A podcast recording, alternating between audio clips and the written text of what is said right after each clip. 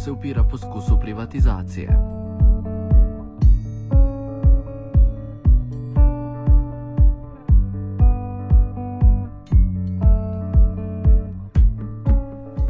Pretekli teden smo že poročali o zmedi, ki jo je sprožila novela zakona o visokem šolstvu. Kratki roki za pripombe in sprejemanje predloga s podzakonsko uredbo so že tedaj sprožali valove kritik in očitke o neustavnosti sprejemanja tako korenitih in daljnosežnih zakonov. V času, ki je pretekel od takrat, pa so se na novelo lahko odzvali tudi ostali deležniki. Vlada in Ministrstvo za izobraževanje, znanost, kulturo in šport sta jih domnevno želela izločiti pri snovanju tega zakona in javno debato popolnoma onemogočiti. Sedaj se na zakon niso odzvali samo predstavniki študentov, vodstvo, uni, vodstvo univerze pardon, in nacionalna agencija za kakovost v visokem šolstvu, ampak se je pojavila tudi samonikla peticija univerzitetnih študentov, ki je s pomočjo socialnih omrežij začela zbirati državljanske podpise proti noveli omenjenega zakona.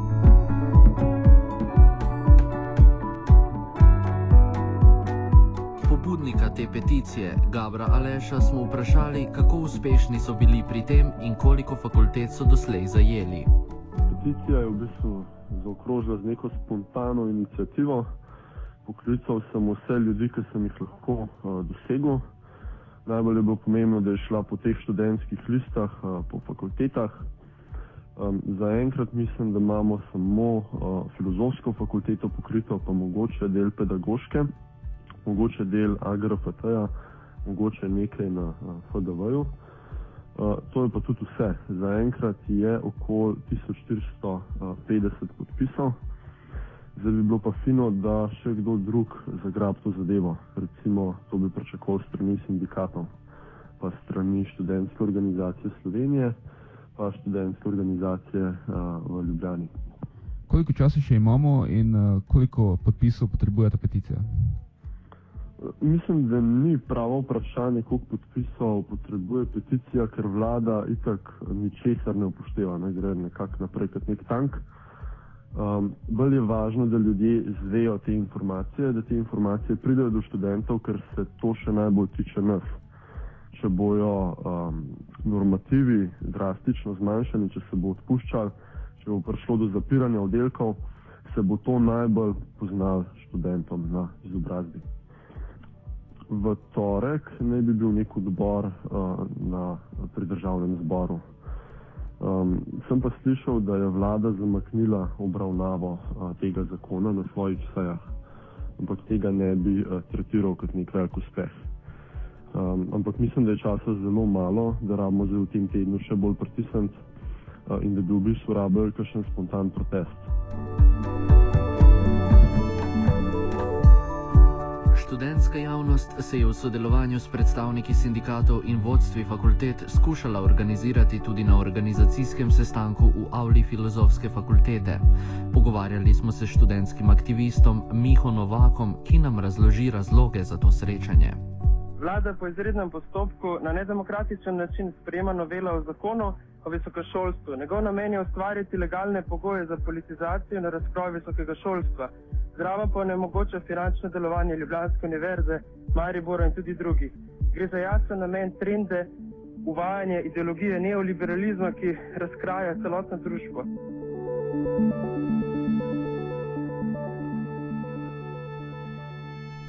Pobudniki sestanka so med razloge za nj navedli, da bo novela zakona v primeru sprejetja omogočila uvedbo šolnin, odpuščanje zaposlenih na fakultetah in najmanj 30 odstotno povečanje delovne obveznosti za preostale zaposlene ob hkratnem krčenju njihovega financiranja. Na sestanku je sodeloval tudi predsednik visokošolskega sindikata Marko Marinčič. Vprašali smo ga, ali so te ocene realne. Jaz mislim, da so popolnoma, da so popolnoma realne. Ne bi zdaj Eh, preveč ukipal okrog številk, ampak dejansko eh, predlagatelji tega zakona že v uvodni razlagi priznajo, da je njegov namen prilagoditev na trenutne finančne razmere. Se pravi, vlada oziroma ministrstvo eh, sta z rebalansom proračuna ustvarila ta problem, zdaj pa prihajata rektorjem vodstvom na pomoč. Čeprav rektori, dekani to vrstne pomoči niti ne želijo. Prihajata jim na pomoč z neomejenim dvigom delovnih obveznosti, s čimer se lahko um, univerze prilagodijo na trenutno finančno stanje, kar pa logično vodi v odpuščanje.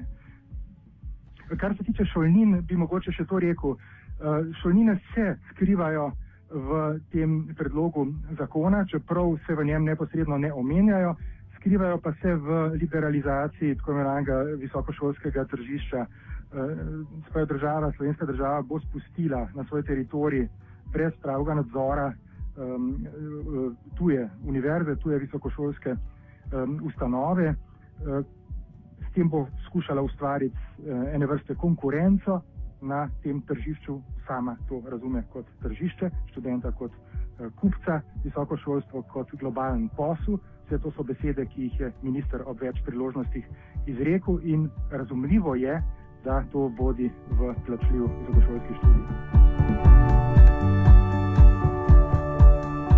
Ministrstvo za izobraževanje, znanost, kulturo in šport je tako Univerzo v Mariboru kot Univerzo v Ljubljani obtožilo, da je zamudilo roke za potrebno akreditacijo. To pa se je v preteklih dneh izkazalo za nič manj kot laž, kar je potrdila tudi Nacionalna agencija Republike Slovenije za kvaliteto v visokem šolstvu, krajše NAKVIS.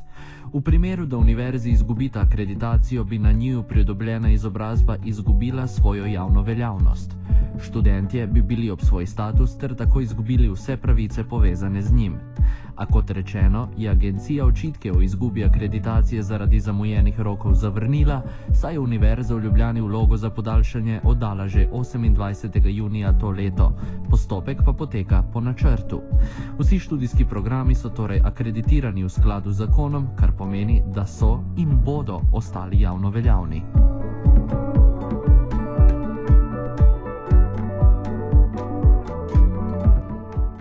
Pridobili smo pisni odziv pristojnega ministrstva, to pa še vedno ustraja pri svoji neupravičeni retoriki, da zakon sprejemajo zato, da bi obe največji univerzi rešili pred izgubo akreditacije.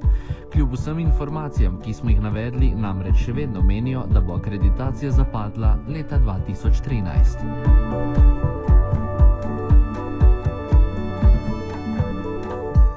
spomnimo, da novela zakona o visokem šolstvu posega tudi v neodvisnost delovanja omenjene agencije NAKVIS. Ministr za izobraževanje Žiga Turk je v preteklih dneh namreč izjavil, da je odgovornost za akreditacijo univerz v pristojnosti vlade, zato si želi tudi odgovornosti pri vplivu na sestavo organa, ki je namenjen zagotavljanju kakovosti in nadzoru tega področja, torej NAKVIS-a. Ti pa so v odziv na to zapisali, da je evropska praksa popolnoma nasprotna, saj se pristojnosti za akreditacije prinašajo z ministrstv na neodvisne agencije, v številnih državah pa agencije neodvisne akreditacijske odločitve sprejemajo že vrsto let.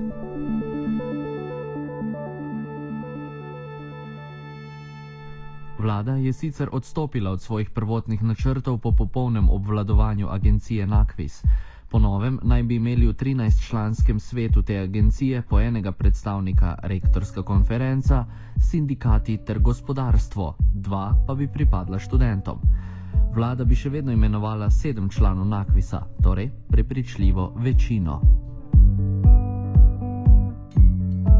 Marinčiča smo zato vprašali, ali so manipulacije s temi podatki poskus oduzeti akreditacijo javnim univerzam in na to s politično podrejenim nakvisom podeliti akreditacijo zasebnim univerzam. Namik gre natančno v to smer. Pravi, ta um, manipulacija z neveljavnimi akreditacijami je poskus uh, omajati zaupanje študentov v javne univerze dost, uh, dost ekspliciten, dost, rekel bi, tudi uh, neokusen uh, poskus. Lahko bi se zgodilo teoretično, da bi, da, bi, da bi te univerze izgubile akreditacijo znotraj slovenskega prostora, ampak problem, glavni problem je, da tudi Nacionalna agencija za kakovost ni akreditirana, nima mednarodne Eh, akreditacije, po drugi strani pa imajo številne fakultete veljavne mednarodne akreditacije, na katere to nima nobenega vpliva. Skratka, jaz mislim, da gre tukaj za manipulacijo, na trik, eh, katerega sporočilo je zelo jasno razvidno. Gre za namik, kako se bodo te stvari prihodne, če bo zakon sprejet, odvijale znotraj nakvisa, pri čemer ima ta namen določati celo svoje predstavnike po disciplinah, kar pomeni direktno umešavanje v, v študijska področja. Torej, zaradi tega je dansko ogrožena samo neodvisnost uh, univerze.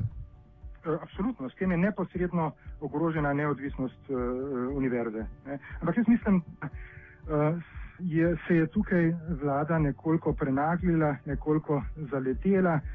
Danes je bil, oziroma včeraj je bil predlog zakona že začasno umaknjen z dnevnega reda vlade, kar seveda ne pomeni, da ga bo umaknila, verjetno bo z njim ustrajala.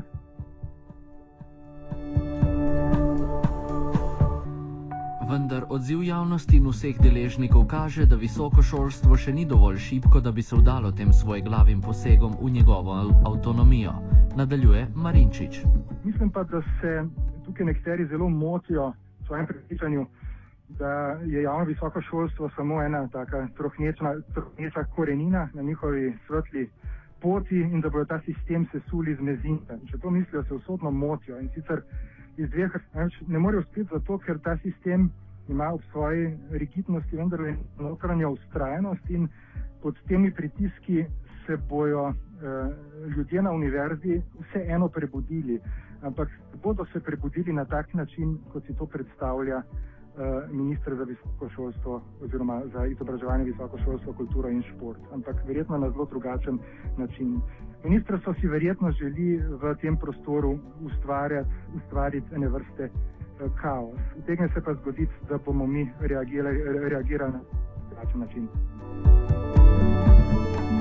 Ali torej prihaja do svoje vrstne kohezije, tako med uradnimi predstavniki študentske ter profesorske javnosti, kot samo javnostjo? Marinčič.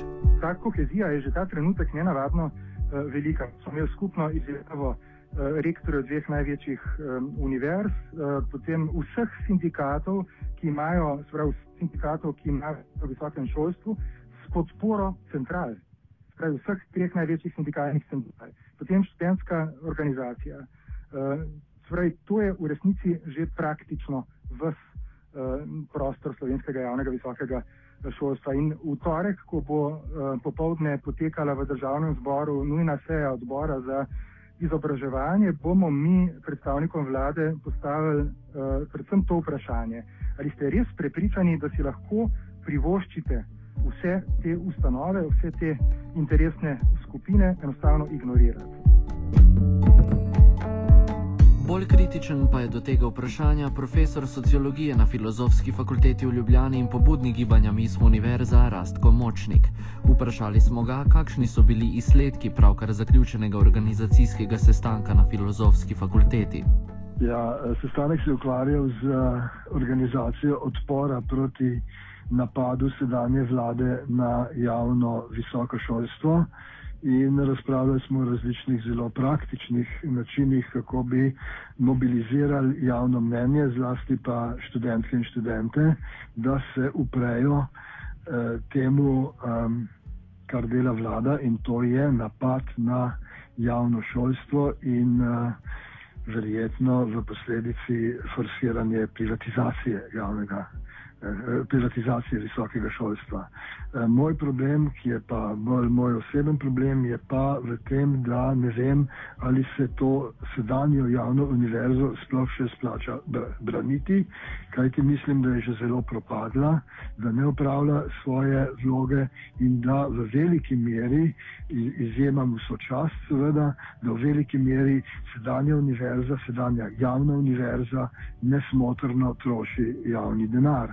Tako da eh, problem, ki ga vidim v tem, je, da ta univerza se ne more braniti pred napadom sedanje vlade, zato ker je sama že eh, od znotraj propadla. Tako da jaz rečem um, usporednico z letom 1941. Um, stara Jugoslavija, kraljevina Jugoslavija je bila polkolonialna tvorba, ni bila vredna, uh, da bi jo kdo branil in vendar so partizani branili Eh, Jugoslavijo, vendar samo zato, ker so hoteli narediti novo državo, socialistično, pravično državo. No, in jaz mislim, da se, da, da se sedanje javne univerze ne splača brant, če se ne postavi projekta nove, drugačne univerze, ki ne bo več preganjala kakovosti, ki bo sposobna narediti bistvo, eh, ki bo sposobna narediti korektni in kakovostni študij, eh, ne pa to, kar dela zdaj ko je v veliki meri rentniška ustanova akademskih mandarinov. Uh, zdaj to sporednico, če jo kar povzamem in nadaljujem. Uh, ti partizani so se morali upreti na javnost oziroma pač javno podporo. Ali obstaja med študenti danes na univerzi kakšna takšna inicijativa, na katero bi se lahko uprli pri tej reformi? Oziroma revolucioniranju univerze? Ja, seveda, mislim, MSU je pomembno gibanje in je tudi v Sloveniji prvo gibanje, ki združuje uh, študentke, študente, učitelje, učiteljice in strokovne delavke in delavce na univerzi, ter tudi prekarne sodelavce in sodelavke, se pravi tiste, ki so v najslabšem položaju. Tako da to je pomembno eh, gibanje. Večina študentk in študentov se seveda ne zaveda situacije in uh, Eh, se pa je bojo zelo hitro zavedali, recimo eh, eh, Ljubljanska univerza je dvignila tarifo četrtega upravljanja izpita na 120 evrov. Jaz mislim, da je to tako nesramno visoka cena, da že uvaja selekcijo na podlagi premoženskega stanja, kar je nedopustno. No in recimo zaradi takih ukrepov se bo tudi množica študentk in študentov prej ali slej zavedela eh, položaja in upam se bo mobilizirala za spremembo univerze. Kajti ena bistvenih sprememb, ki je, ki je potrebna, je okrepitev študentskega glasu v odločanju. V, v, v, organi univerze so zelo daleč od študentskih študentov, daleč so tudi od navadnih delavk in delavcev, kakršen sem jaz. Jaz nimam vpliva na njihove odločitve, čeprav si prizadevam. Tako da, da je notranja demokratizacija univerze recimo ena izmed bistvenih zahtev. thank you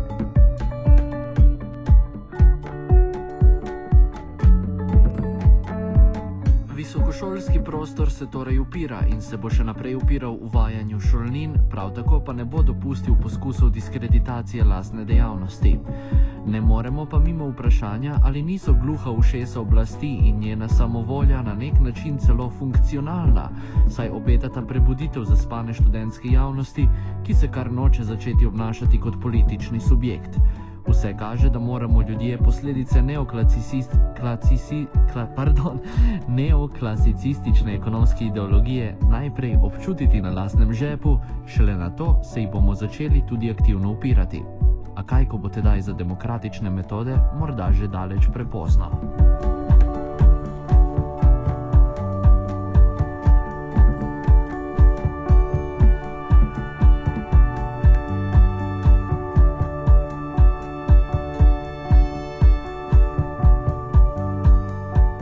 Kultiviral je Luka Tetičkovič.